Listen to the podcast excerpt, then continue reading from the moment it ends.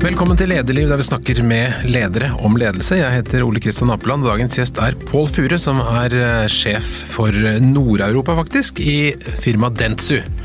Velkommen, Pål. Ja, tusen takk for det. Hyggelig å være her. Det er ikke alle som kjenner Dentsu, du må nesten fortelle hva det er.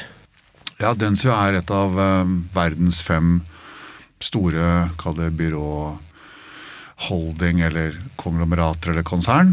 Og er da opprinnelig japansk og øh, over 100 år gammelt. Øh, børsnotert i Tokyo, virksomhet i 145 land. Og da har jeg ansvar for de ti landene som da sorterer under Nord-Europa, som da er Norden, Baltikum og Benelux. Så øh, det finnes jo ulike typer byråkonstellasjoner i verden. og vi har ikke alle mulige slags byråtjenester. Vi har f.eks. ikke PR-byråer. Eh, vi fokuserer stort sett på det digitale eh, og det som dreier seg rundt eh, hva skal jeg si, medierådgivning, medieaktiviseringer, og det som på en måte hører til det. Mm. Så mye digital reklame, rett og slett?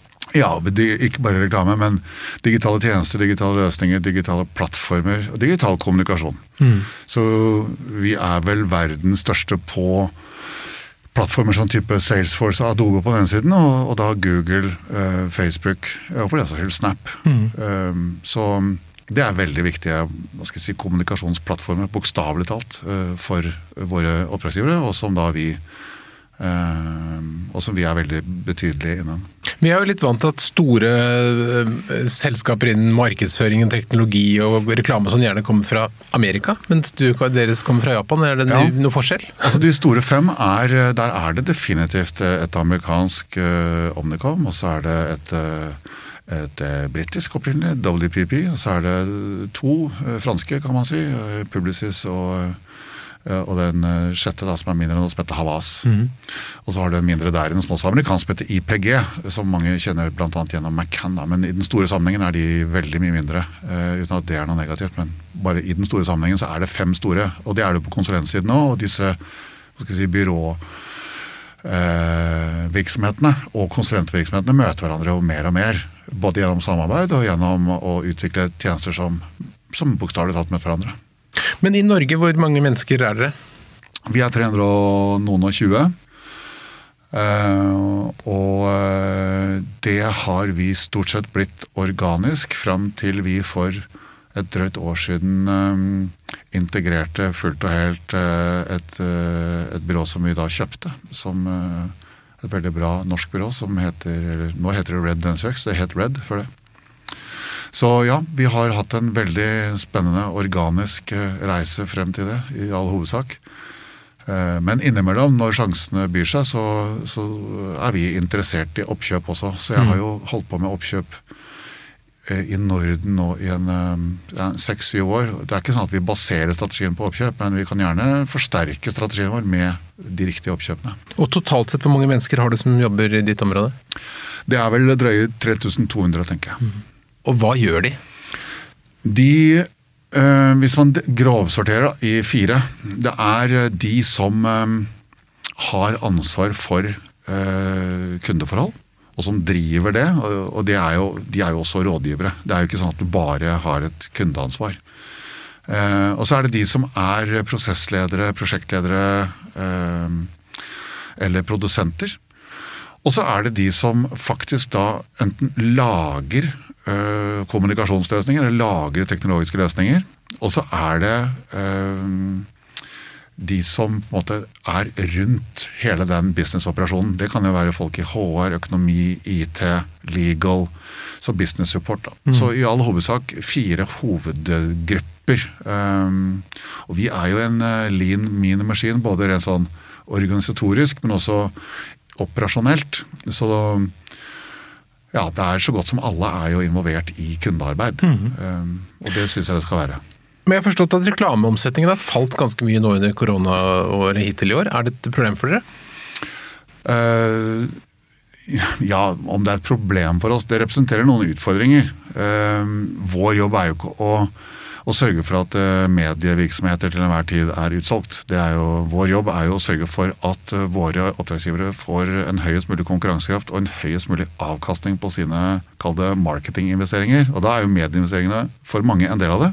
Det er veldig mange virksomheter og veldig mange av våre oppdragsgivere som ikke har mediekjøp som en del av sin strategi. Som enten har en veldig hva skal jeg si, own media-centric strategi, med at de jobber stort sett i CRM-plattformene sine. Og Det er derfor det er veldig viktig for oss å være altså at de bygger kundebaser, har dialog med egne kunder? Ja, mm. og veldig mange har det som sin, sitt sentrum for mm. sin strategi. Altså De har en kundedialogsentrum. Mm. Og så er det andre som i hovedsak driver sin aktivitet gjennom butikkommunikasjon hvis de har øh, fysiske butikker. Og så er det selvfølgelig en god del som har mediekjøp enten som sentrum eller som noe de absolutt bruker. Så det er klart, når, eh, når, eh, næringslivet fikk de begrensningene som de fikk, og da noen fikk problemer av det igjen, det gjør at en del av våre tjenester blir mindre etterspurt. En del andre tjenester blir ikke mindre etterspurt, snarere tvert om. Men det er helt klart sånn at, at covid-19 har ikke bare rammet næringslivet, det rammer jo oss som på en måte er leverandør til næringslivet. Og litt avhengig av Det ser jeg veldig forskjell på disse ti landene som jeg har ansvar for. at Veldig avhengig av hva slags sektorer vi er eksponert i, så er vi jo mer eller mindre berørt. Eh, og i Norge så er vi jo Vi er ganske godt balansert, men vi er, vi er store innen reiseliv. Og det er klart, det fikk jo en bråstopp. Mm. Ehm, så ja, det, det rammer oss. Eh, og eh, det rammer norsk næringsliv. Eh, og det rammer veldig mange individer og familier. Så det, det syns jeg er bekymringsfullt. Både fordi det først Altså, det skjer, men det er også fordi det er ingen akkurat nå som vet omfanget eller varigheten. Og den uforutsigbarheten den må jeg si som leder, den er ganske ubehagelig. Både fra et forretningsmessig perspektiv, men det er ikke det jeg tenker primært på. Jeg tenker nå primært på fra, et, fra perspektivet til folk flest, og, mm. og, også egne ansatte. Og Hvor er Norge på skalaen i de tre landene du har ansvaret for? Er vi blant de beste eller verste rammet? Vi er blant de som er hardest rammet. Mm. Uh, og så kan man si, Hvordan kan det ha seg? Det er jo fordi vi ikke bare har covid-19. Vi har også hatt et, et oljeprisfall som er betydelig og eh, en noe restituert, men fortsatt betydelig eh, valutakollaps. Og det er hver for seg problematisk nok. Og i de tre sammen, det er vel definisjonen på den perfekte stormen. Og det gjør at i sum så er næringslivet i Norge hardere rammet enn det som til forveksling ser ganske likt ut, Danmark. Og hvis du bare ser på liksom pandemiske parametere, sånn R-nivå, så ser du at ja, Danmark og Norge er ganske likt. Jo, men de har ikke eh, valutakollapsen, og de har heller ikke oljeprisfallet. Så det er, eh, det er en av to grunner til at Norge er hardere rammet. Den andre grunnen er jo faktisk at eh, eh, myndighetene i hvert land bruker til dels nesten overraskende ulike virkemidler. Og da er det jo fort gjort å sammenligne seg med Sverige. Mm. Men også ta et land som veldig ofte er sammenlignbart med Norge, Nederland. Der er det jo sånn at Eh, der er det en sånn governmental support package som, det er betinget at man ikke permitterer. Og følgelig er vesentlig eh, mer ambisiøs fra myndighetenes side. Eh, mens i Norge så er det for vår, for vår del mulighetene for support er sånn tilsvarende lik null. og da blir det en helt annen dynamikk. Mm. Så på papiret ganske like land, veldig ulike rammebetingelser. Men i din hverdag så betyr det kanskje mindre reising i hvert fall? Du har fått en litt annen hverdag? Definitivt. Eh, jeg har jo reist mindre year over year i mange år. Eh, det har vært veldig viktig for meg. Jeg reiser fortsatt eh, mer enn de aller fleste. Det skal noe sant skal sies, og det skal det jo. Ehm, men vi er jo vant, vi er jo topptrent vi, å jobbe remote eller jobbe agile eller jobbe hva du vil. Eh, men vi registrerer jo at eh, mange av våre oppdragsgivere ikke var like topptrente det. Så det har vært en, det var en tung på en måte, prosess, en sånn arbeidsmetode, å sveive i gang da fra Vi begynte å varsle om dette her i januar, og jeg ble minnet på i går. Et, eh, faktisk et møte på skolen til et av barna. At jeg hadde sittet på et foreldremøte og babla om dette her 12. januar, og ingen skjønte hva det var å bekymre seg for. Men eh, nå fikk jeg jo heltestatus. Nå ble jeg i hvert fall trendguru. Du er ikke sånn. er ikke for ingenting.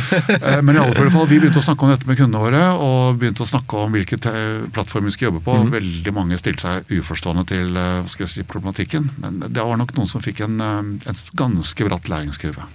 Vi skal snakke mer om virksomheten din nå, men la oss gå litt tilbake. Hvordan havna du i denne rollen? Hvor startet dette?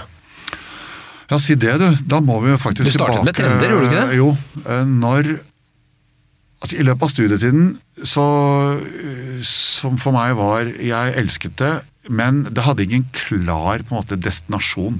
For du gikk på Norges markedshøgskole? Ja. Den tiden på NMH, den er for meg eh, eh, både da Den opplevdes som viktig og hva skal jeg si, skjellsettende da. Eh, men eh, jeg blir stadig minnet på hvor viktig faktisk det valget var. Og det var jo underlig, for jeg hadde jo absolutt ikke tenkt å begynne på NMH. Eh, fordi det hadde jeg jo ikke engang hørt om. Før det faktum var at jeg kom på venteliste eh, der hvor jeg egentlig hadde planlagt. Eh, og da måtte jeg jo ha en plan B. Hvor var du egentlig hadde planlagt? Jeg hadde planlagt i Bergen. og da var jeg ørlite grann under hva skal jeg si, førsteopptaksgrensa. Mm -hmm. Så du skulle bli økonom?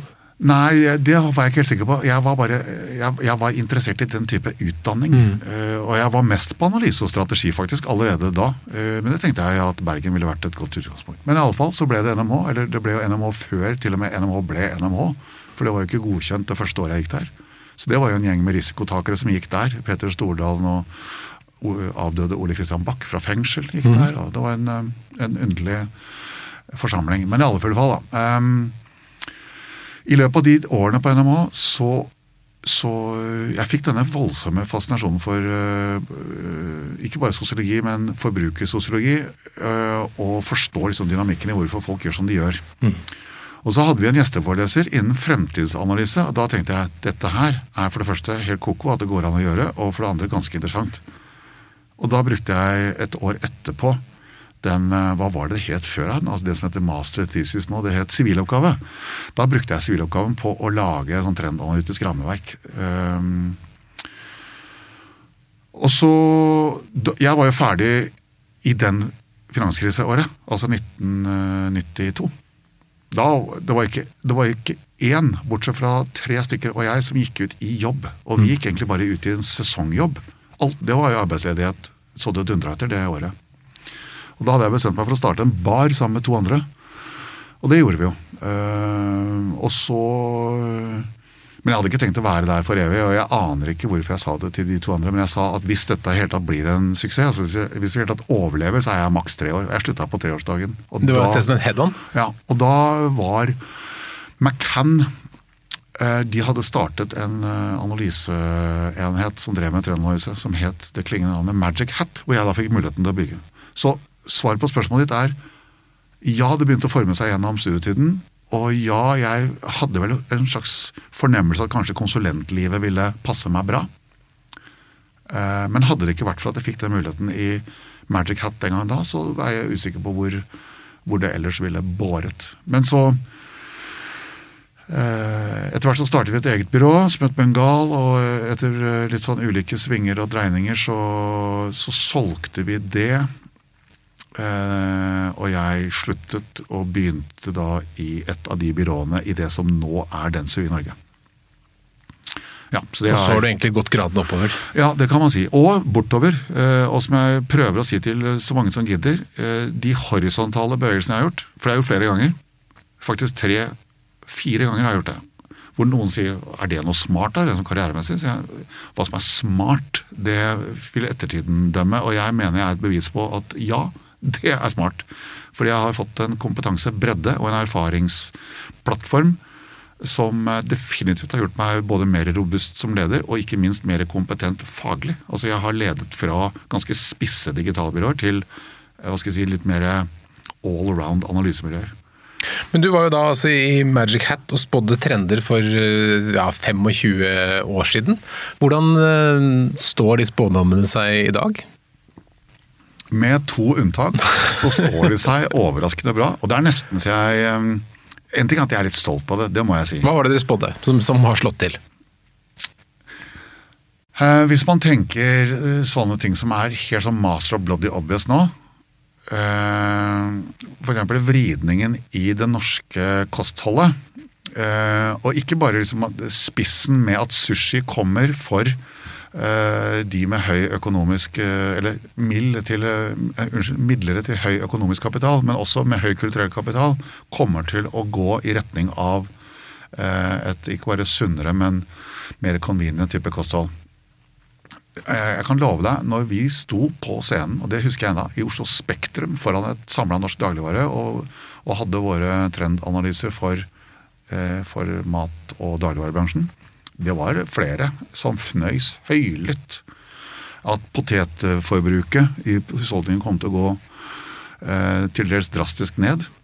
Og bli erstattet av eh, salat og, og convenient pakninger som ferdigvasket osv. Altså, det virker som det var i juratiden jeg tenker på det nå, men eh, det, vi, For det er ikke jeg, det er vi. Dette var et, det var et stort analysemiljø, tross alt. Men jeg var ofte på en måte den som kommuniserte. Eh, og Ola Gaute, en eh, kjær kollega. Eh, enten sammen eller hver for oss i hver våre kalte spesialiseringer. Men i hvert fall kostholdsendringene og matvarekonsekvensene, det, det var vi veldig tydelige på. Også innenfor dette med det bil- og mobilitetsløsninger. Det var jo veldig science fiction. Ikke det med elbil, men dette med bildeling og det faktum at urbaniseringen eh, tiltok i kraft og styrke og eh, unnskyld, hastighet, at det da ville medføre at færre ville ta førerkort og færre ville eie bil, og hele behovet for å eie ville dreie seg mer i retning av å leie. Altså det var Det høres ganske sånn ja, innlysende ut nå, i etterpåklokskapens eh, tindrende klarlys, men det var ikke innlysende da. og jeg har fått mange kommentarer fra bilbransjen senere at det var noe de festet seg ved, eh, og faktisk begynte å planlegge med. Også den, den type ting som at folk kommer til å bruke internett eh, på den måten de gjør nå. Eh, og hvilke mediekanaler som kommer til å bli de tre store. Eh, så noe av det trengte man ikke akkurat være trendanalytiker for å se, kan man kanskje si. Men for å bli hørt på og stolt på, så gjaldt det å ha et solid analytisk fundament, og det, det hadde vi. Og vi hadde, og har fortsatt, en, en troverdighet innen dette, vi som eh, var involvert i det den gang da. Men hva bommet dere på? Jeg husker at jeg bommet eh, på noe som jeg sa eh, Jeg var ganske overbevist om at i forbindelse med tusenårsskiftet og Y2K, Ja. som jo var en mest av alt en slags sånn teoretisk skal jeg si, forestilling, men som Altså Det var jo helt reelt at det kunne bli et hva skal jeg si, ja. Vi var jo kjempenervøse. Vi trodde alt skulle kollapse av ja, det, det var en reell mulighet. Eh, og da eh, ble jeg spurt om uh, Trodde folk kom til å hamstre. Og da Det er vel et sitat på et eller annet sted, tenker jeg. At jeg var basert på de analysene vi hadde. Vi spurte jo 5000 nordmenn om hva de tenkte å gjøre. Så var jeg helt sikker på at folk kommer til å hamstre både hermetikk og slikt. Og ikke minst fylle opp alt som var av biler og dri- drivstoffkanner med bensin og diesel. Det var det en del som gjorde, men ikke alle. Eh, Så der var det noen eh, bensinstasjoneiere som hadde gleda seg til tidenes omsetningsfest, som ikke fikk det. Så det var en bommert. En annen bommert var jo eh, eh, Hva skal jeg si Denne, denne tregheten i eh, likestilling. Eh, Der lurer jeg på om faktisk vi ble sånn forført av at det var en del krefter i sving, også fra det regulatoriske holdet, som ville ja, presumptivt da, forsere det som ville vært en normal diffusjon. Så du trodde det det. ville gå mye fortere? Ja. Men let's face it, nå er klokka 2020, og hvis du ser rundt i styresammensetninger og i ledelseskomposisjoner, så er det ikke som eh, jeg og flere eh, mente at det var grunn til å tro at det ville bli. Så det er jo det er ikke bare synd fordi jeg tok feil, det er synd fordi det er feil.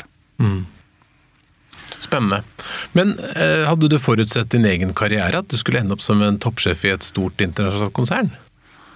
Nei, eh, snarere tvert om. Altså, jeg hadde vel forestilt meg en, eh, et, et, mulig leder, eh, et, et mulig lederliv. For det som er litt merkelig, og jeg vet ikke hvorfor jeg ikke har reflektert mer over det tidligere i livet, men jeg er jo to meter.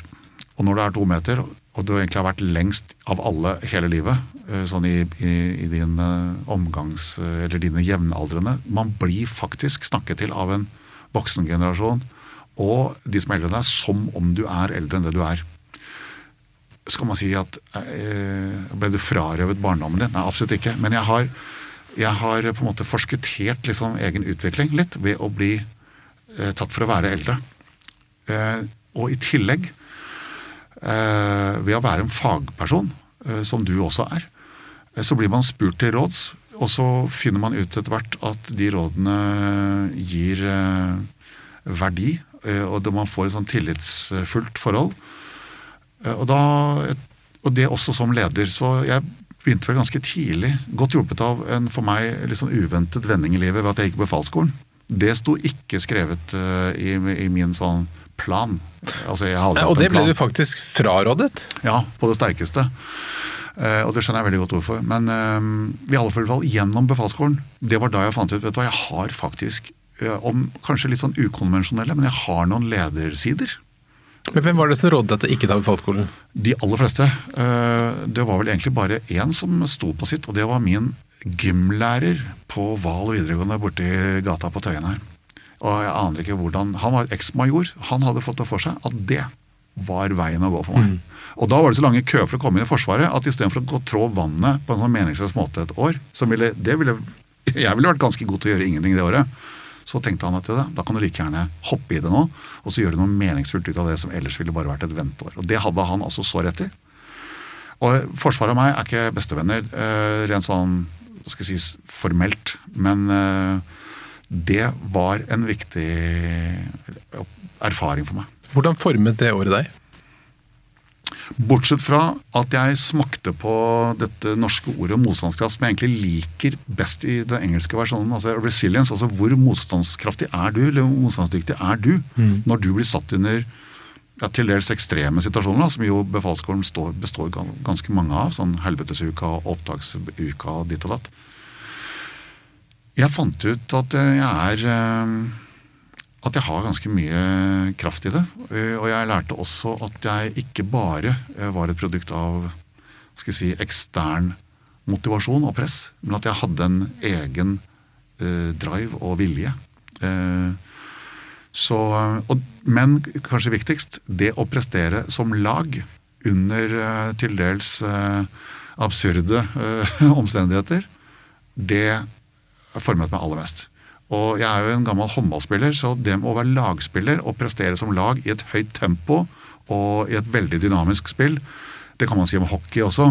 altså Hvor det går sinnssykt fort, og alle spillere spiller både forsvar og angrep. Så når du er i forsvar må du tenke på angrep og motsatt. Eh, for meg ble Forsvaret en, liksom, en videreutvikling av det lagspillet. Er det mye fra befalsskolen som sitter i det fortsatt? Nei, jeg vil ikke si det er veldig mye, men uh, behovet for tydelighet i kommunikasjon, behovet for um, uh, forutsigbare hva skal jeg si, strukturer. Altså, jeg mener ikke at alt skal være forutsigbart, men noen strukturer må være forutsigbare. Hvem du kan uh, få en beskjed av som du må forholde deg til, f.eks. Uh, det er greit at det er forutsigbart. At det ikke kommer noen fra left, right and center at any given Tuesday. Det... Um, men så tror jeg også at befalsskolen uh, lærte, ikke bare meg, men mange av oss, uh, hvordan vi responderer på ledelse sjøl. Ikke bare hvordan vi utøver det. Men det er mange måter å lede på. Og jeg tror du ser de aller fleste av de, både de gode og de dårlige, gjennom en sånn opplevelse. Så denne ledelse gjennom på en måte stilling Jeg er sersjant, så ergo du skal høre på meg den fant jeg ganske fort at jeg for det første ble ganske slapp av, og det andre det ligger ikke naturlig for meg. Eh, så det å lede gjennom eh, å skape et, hva skal jeg si, en ønsket eh, fremtid, som flere i Forsvaret også viste, at hvis vi vil ha det sånn, da burde vi gjøre sånn, sånn og sånn. Da, da får du et ja, Det er vel kanskje det som er forskjellen på lederskap og hva skal jeg si, bare management, kanskje. Jeg vet ikke. Har du et klart bilde av hvordan du ønsker å være som leder i dag? Jeg tror jeg har et brukbart bilde av det. Eh, og jeg håper at jeg har et brukbart bilde av hvordan jeg ikke ønsker å være. Av og til syns jeg det er vanskelig å øh, å ikke være borti deler av den siden av ledelse som man ikke ønsker å være. Eh, av og til så er det kanskje nødvendig å være innom, men ja, jeg har, jeg Hva mener du med det? eh, Nei, jeg har ikke lyst til å være en som ikke eh, involverer. Men av og til, eh, enten fordi beslutningen er tatt av andre enn meg, eller at jeg måtte ta den fordi det ikke var noen omstendigheter til å involvere, da kjenner jeg at dette her er ikke det ultimate. Men nå er det som det er, så får jeg heller bruke kommunikasjon på å forklare hvorfor det måtte være sånn denne gangen. Litt sånn avviksorientering. Men eh, jeg ser også i hva skal jeg si, disse ansattintervjuene eh, og medarbeiderundersøkelsene at eh, at jeg for så vidt er en eh, Altså, jeg er ikke en helt uforutsigbar leder. Altså, jeg har tydeligvis en lederstil, eh, og den tror jeg er eh, vel forlikt med. Hva syns du er vanskelig med ledelse? Jeg tror kanskje det vanskeligste med ledelse, det er eh, å balansere eh, Hva skal jeg si ressursbehovet med liksom målsettingene og de rammebetingelsene som til enhver tid ligger til grunn. For hadde det bare vært målsettingene og ressursbehov for å komme dit, det er jo ganske rett frem. Så kan du si at ja, vi trenger 100 eller 200 stykker til å gjøre det.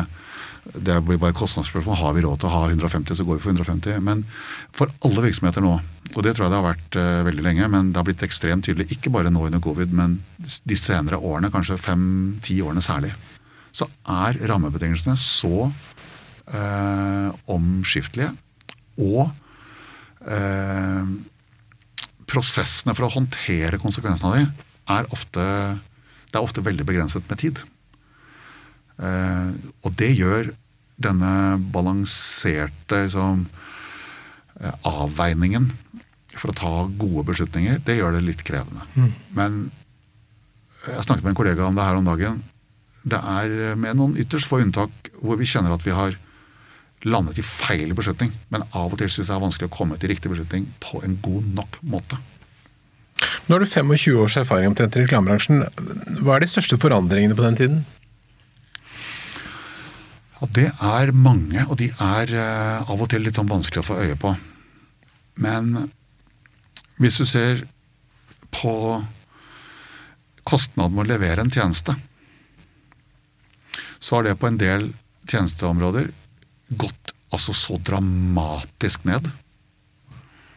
Eksempelvis en slags tjeneste da? La oss si at uh, du i, for 25 år siden skulle gjøre en printannonse hvor du, hvor du, var såpass eh, på en måte eh, ambisiøs at du valgte å ha et foto. Og det fotografiet ikke var tatt. Det skulle tas. Det koster under en tjuendedel å gjøre nå enn for 25 år siden. Eh, skal man si ja, men er det fordi alle har blitt fotografer? Er det fordi alle har en iPhone? Ja, det er en del av det. Men det er også fordi selv utstyret for de proffe fotografene har eh, en redusert kost, som jeg, jeg tror de færreste er klar over. Det samme gjelder film.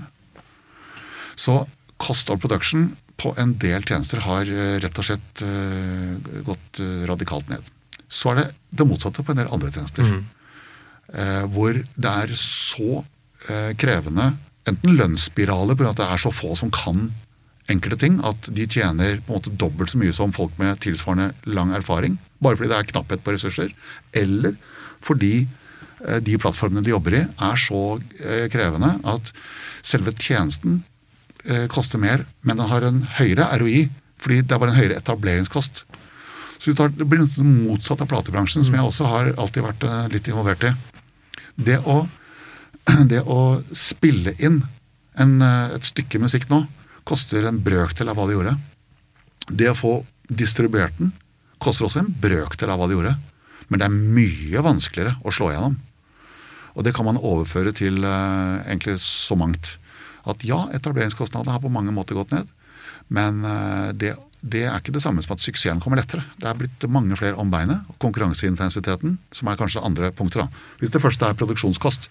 Konkurranseintensiteten har gått uh, vanvittig opp.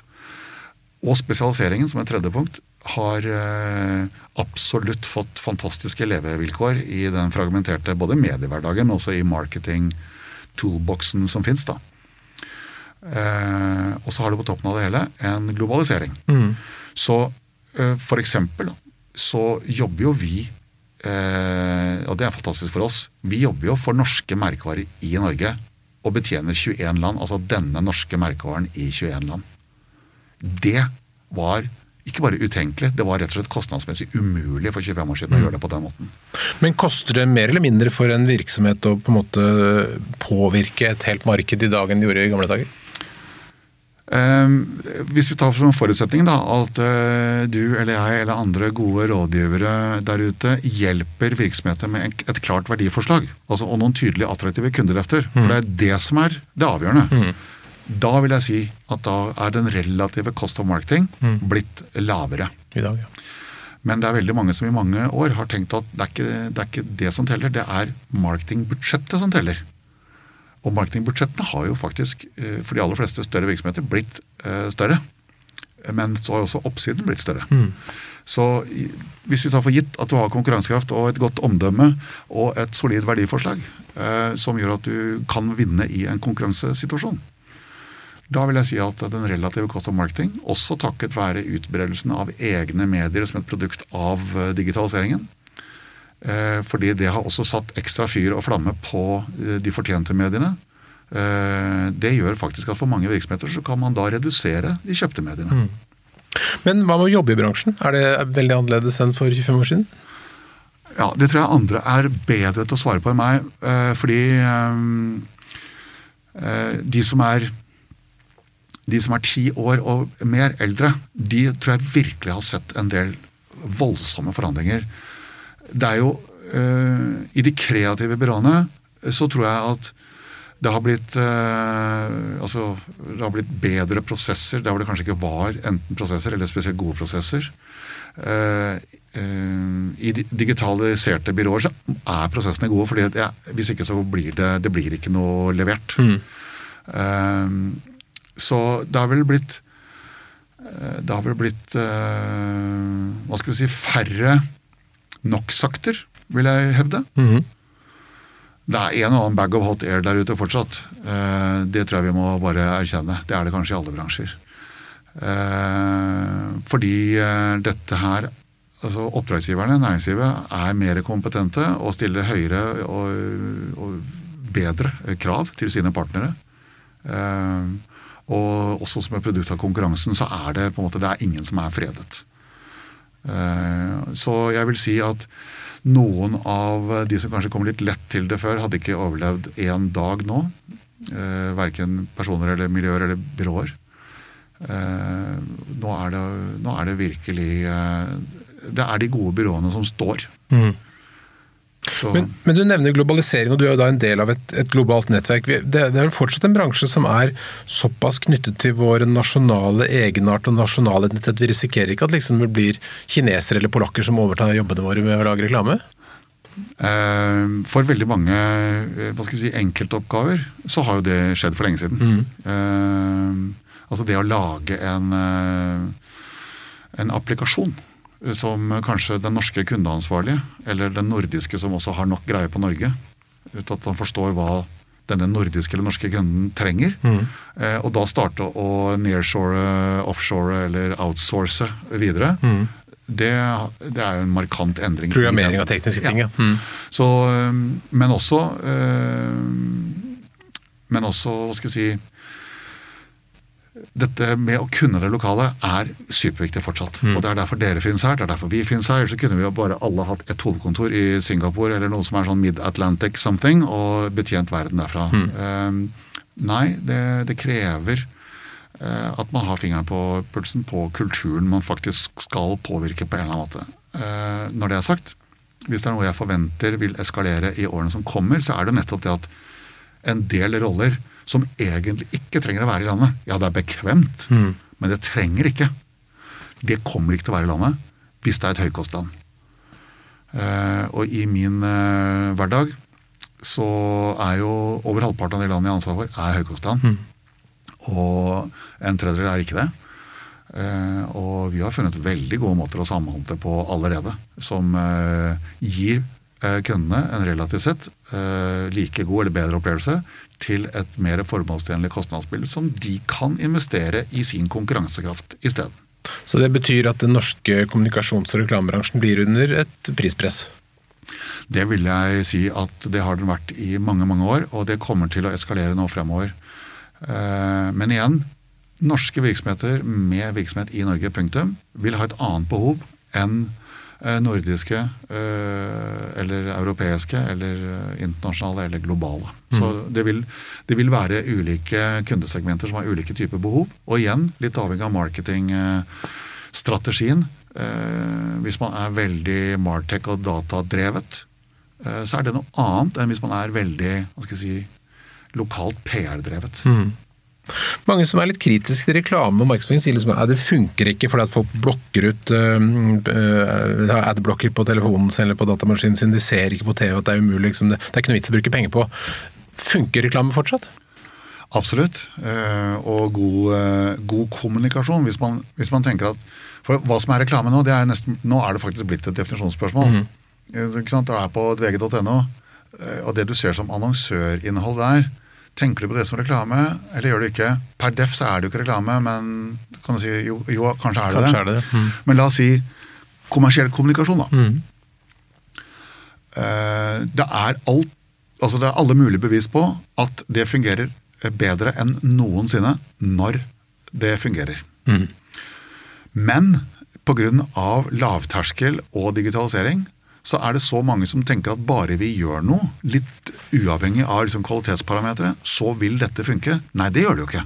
Det er ikke bare fordi du melder deg inn i den kakofonien av kommersielle inntrykk at du kommer til å få en suksess. Så igjen tilbake til eh, Er du en virksomhet med et tydelig attraktivt verdiforslag, og du gjør god kommunikasjon på det, da har du fått bedre muligheter til å lykkes enn noensinne. Eh, og i motsatt fall så har du fått uh, fantastiske muligheter til å sløse bort enorme summer penger. Hva er de dårligste tingene, eller det, det, det, det som norske markedsførere gjør mest feil? Det her er jo et uh, jeg, jeg, Det er ikke et farlig spørsmål å svare på, men det er farlig at det blir misforstått. Uh, så jeg, jeg, håper ikke jeg blir misforstått nå. Det som er en ganske utbredt sykdom i alle virksomheter, og hos alle mennesker, det er jo Selvbedraget er jo det vanligste bedraget. Eh, så hvis man sier at det dessverre skjer de aller fleste steder på et eller annet vis Og som en konsekvens av det, så kan man faktisk tenke seg til at målgruppene er interessert i det man har å si, bare fordi det er du som sier det. Ja. Så det tilslutningspunktet da, mellom hva som er viktig for folk i deres liv, og hva du faktisk driver med som virksomhet, det å finne det tilslutningspunktet, det har jo aldri vært viktigere. Mm. Så du tenker folk feilvurderer sin egen ja. attraktivitet? Altså det er mange, som, mange virksomheter som, som, sier noe, enten i reklame eller andre typer mekanismer, og som da tar for gitt at dette er folk interessert i. Og det ser vi jo gang på gang, eh, for vi har jo en betydelig analysevirksomhet. Vi bare ser at det, det folk, eh, folk, registrerer logoen, de registrerer at det er en aktivitet, men eh, det, det, det kobler ikke. Det er ikke noe mm. tilslutningspunkt. Mm. Og det tror jeg alle som kan mer enn liksom et vekttall i kommunikasjon vet at det må være eh, noe som eh, er en felles interesse blant en avsender og en mottaker.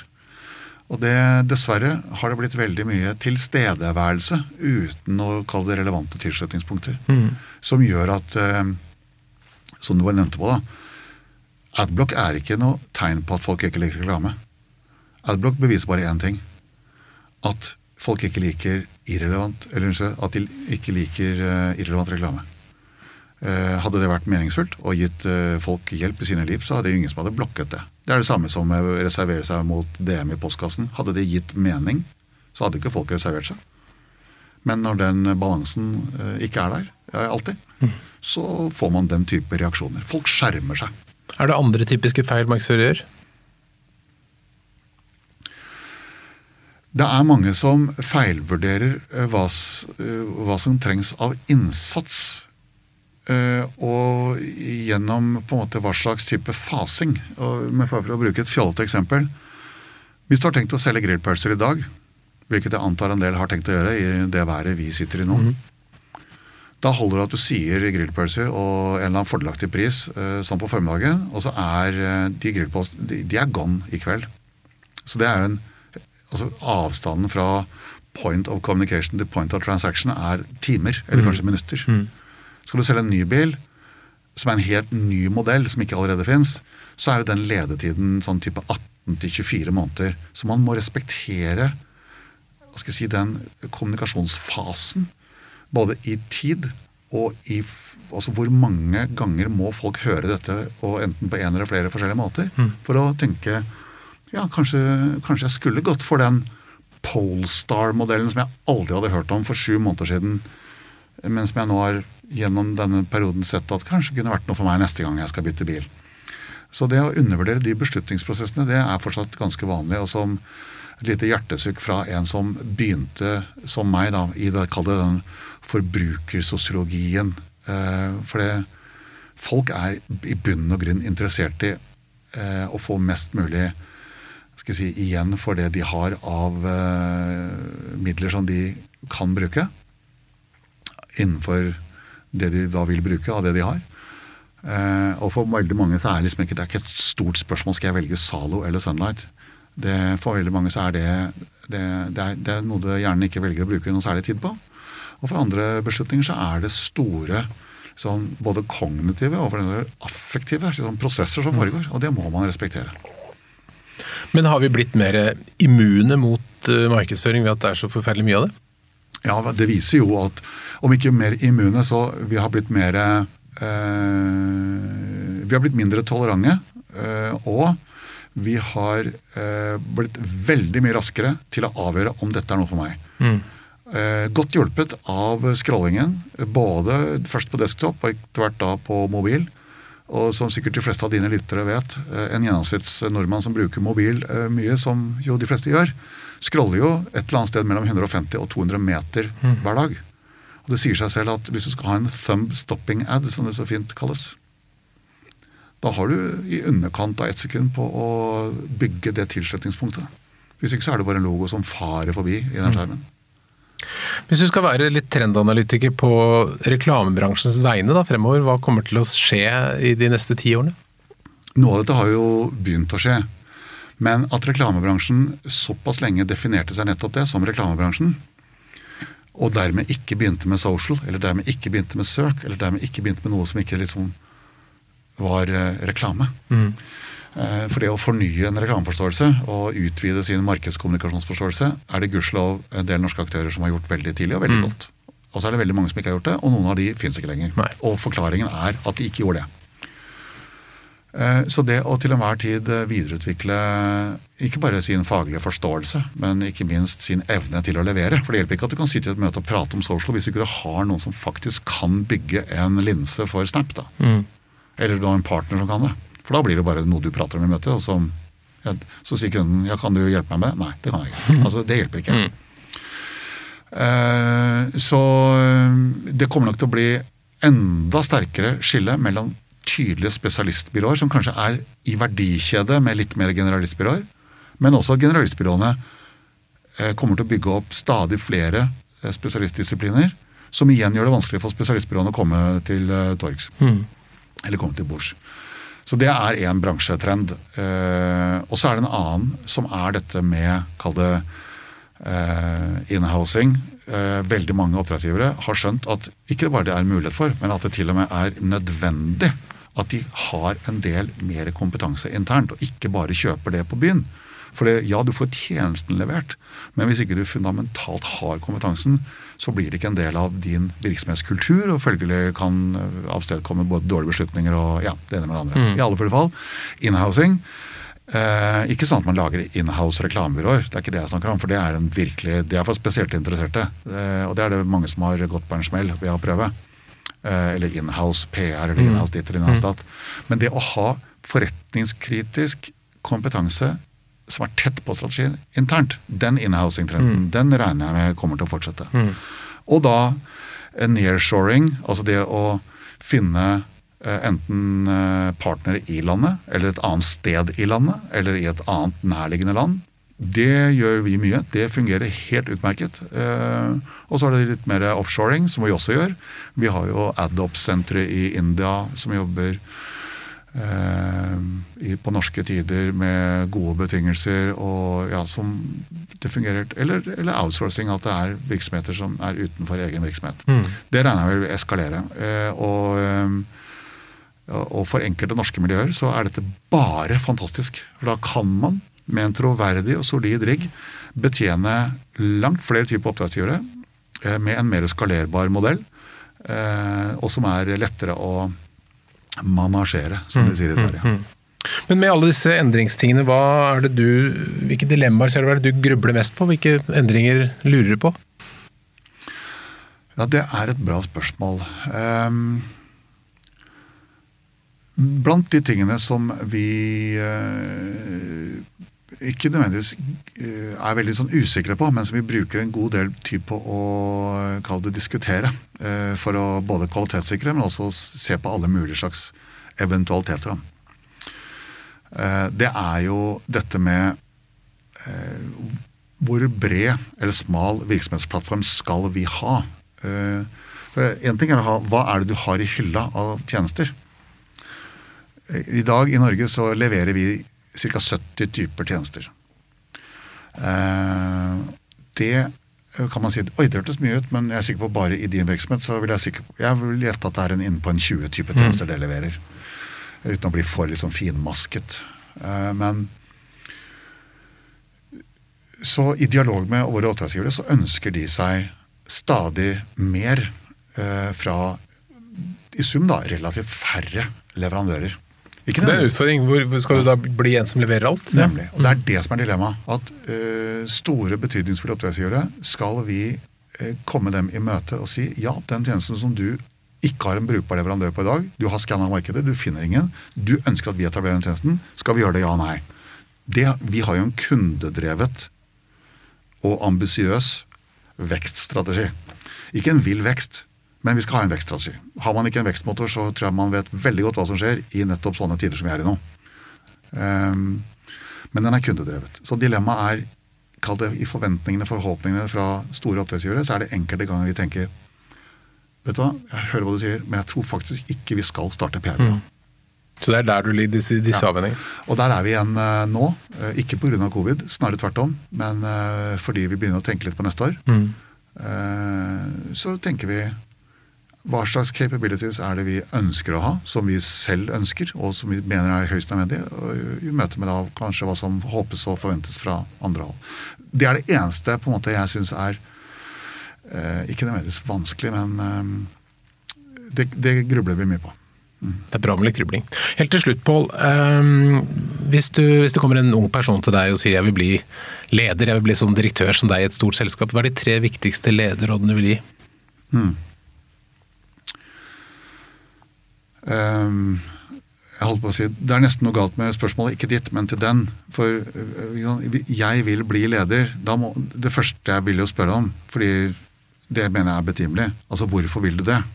Er det fordi det er, en, er du sånn ytrestyrt, uh, liksom prestisjeorientert, og uh, du ser for deg liksom et liv i sus og dus hvis du blir leder, uten å på en måte sette deg selv og dine indre motiver eller kvalifikasjoner? Ja, det vil jeg jo det ville jeg spurt om, og det har jeg gjort hundretalls ganger. Og da, det, da ser du enkelte får litt sånn sikksakkmunn og litt sånn flakkere blikk og, og, og, kjenner at det der har jeg faktisk ikke tenkt på. Men hvis jeg ser bort fra det, hvis man først har tenkt at jeg har, jeg har et mulig lederemne, eh, så er ikke det noe som er naturgitt. Det kan jo også trenes, litt avhengig av hva slags lederrolle det er, da, riktignok. Men eh, nei, de tre rådene jeg ville sagt, det er Eh, man må faktisk eh, eh, ha et bevisst forhold til kall det økonomisk ledelse. Ikke bare økonomi som i økonomistyring, men altså alt er jo økonomien, og alt kommer til alt. Altså det er sånn som Det vanligste vi hører fra våre kunder, at å, jeg skulle ønske at jeg kunne få mer budsjetter, for jeg kunne gjort så mye mer. Men så sier vi du kunne faktisk gjort mer hvis du bare hadde slutta å gjøre de tingene der som ikke virker. Det er det jeg mener med økonomisk ledelse. Det er å mm. forstå liksom ressursledelse. Og det opplever jeg faktisk at eh, nesten ingen lærer mm. ordentlig. Så ressursledelse, det er det ene. Det mm. andre er å være veldig tydelig på eh, om man eh, er om man liksom har brennende faglig engasjement. Ikke mist det. Det er nesten noe av det tristeste som er. Jeg møter folk som jeg har strøket sammen med. Den siste boka de leste, det var når vi faktisk gikk ut døra i 1992. Eh, så har de kanskje vært på et foredrag seinere uten å egentlig få noe realkompetanse ut av det. Men hold på det faglige engasjementet. Du trenger ikke være like dust som meg som står opp fem hver dag og leser én time før jeg begynner med noe annet. Eh, men det er, det er min måte å sikre at jeg er oppdatert. Eh, men hold på det, for det er den sikreste veien til å bli irrelevant eller å begynne å ta dårlige beslutninger, og sånn sett eh, gå en usikker fremtid i møte. Så det er vel råd to. Råd tre er å være tilpasningsdyktig og villig. Noen er villige, men ikke dyktige. Noen er dyktige, men ikke villige. Man må være begge deler. Hvis det er én ting som er helt sikkert, når jeg ser bakover på, i min sti Altså det, hvilke endringer som presenterte seg, hvilke muligheter som åpnet seg. Det hadde ikke vært mulig å forutse, selv for en durkdrevet trendanalytiker. Fordi det rett og slett ikke eksisterte på det tidspunktet hvor jeg kanskje tenkte på det. Eh, og som 20-åring eller som 30-åring hvordan eh, verdens marketingmiljø skulle se ut som 50-åring. Eh, da skulle du være ganske vass for å kunne gi et godt bilde av det. Så det å, det å være interessert eh, ved å være involvert og, ja, og åpen og klar for endring Men de, man må ta de valgene underveis, da. Bare fordi det åpner seg en mulighet, så er det fort gjort å tenke på ja, men jeg går all in på det. og så To år senere så finnes ikke den rollen. Man må ha et liksom analytisk forhold til det. Men jeg tror jeg vil gå for, eh, jeg tror jeg vil gå for de tre rådene. Veldig bra. Helt til slutt, et, eh, siden vi da er i podkast og det er trend, du er god på trender, hvordan går det med podkast fremover? Podkast øh, tror jeg for det første øh, det kommer til å bli vanvittig mye større. Øh, det følger jo en vanlig sånn trendadopsjon. ikke sant? At Først så plukket adoptørene det opp, og så, unnskyld, innovatørene, og så kom adoptørene. Og Nå begynner man med Lofor som et ganske sånn solid fotfeste i det som er tidlig majoritet. Dvs. Si man har klart det der beryktede tipping point, altså hvor de fleste innovasjoner dør.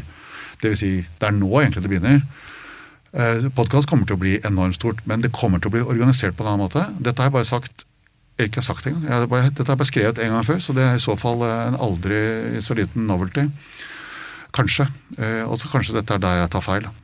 Det får ettertiden vise. Eh, Podkast kommer til å bli organisert sånn som Spotify er organisert. Eh, så kan du si ja, men det er jo litt sånn òg. Ja, men det er akkurat det der. Det er mm. litt sånn. Det verste forbrukere vet, det er uorganiserte terreng preget av full fragmentering. Eh, så det Instagram egentlig har gjort, er jo å organisere influensere. Så kan man tenke, Er det det de har gjort? Ja, men, ja, det er faktisk det de har gjort. Eh, for det gjorde ikke Facebook på den måten. Eh, Facebook organiserte folk først, og så etter hvert virksomheter. På en tilgjengelig plattform. Hva som blir plattformen på podkast, det tror jeg en del aktører vi ikke tenker på nå, kommer til å spille en vesentlig rolle. Eh, det kan hende at det blir Spotify. Vi er jo der. Gledelig er der. Så eh, ja, det vet jeg. Og eh, det, mye skal vel tyde på at det blir podkastplattformen. Mm. Men det er før noen har spurt Disney om hva de har tenkt til. takk, det var en god spådom. Pål Fure, tusen takk for at du kom til Lederliv. Tusen takk for at jeg fikk komme på besøk. Lederliv er en podkast fra Apeland. Redaksjonen består av Ellen Paulsen, Lars Jarle Lars Volden og meg, som heter Ole Kristian Apeland. Hvis du vil høre mer, så trykk abonner. Da får du varsel når det kommer nye episoder. Og hvis du har noen tips, så send en e-post til tips.ledelig eller til meg, ole.apeland.no. Takk for at du lytter.